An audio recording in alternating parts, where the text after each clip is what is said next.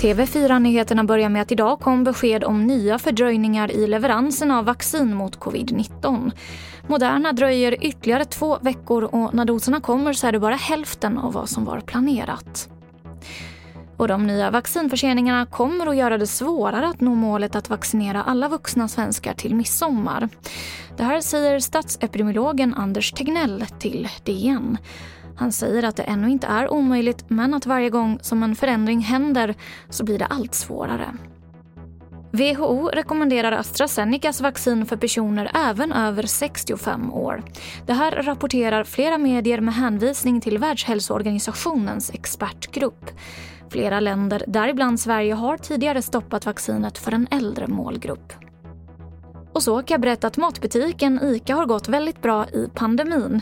Det är när svenskarna jobbat hemma och lagat mer egen mat. Bolaget gjorde en vinst på 1,3 miljarder kronor och alla anställda får en bonus på 10 000 kronor. Och det var det senaste från TV4 Nyheterna. Jag heter Emily Olsson.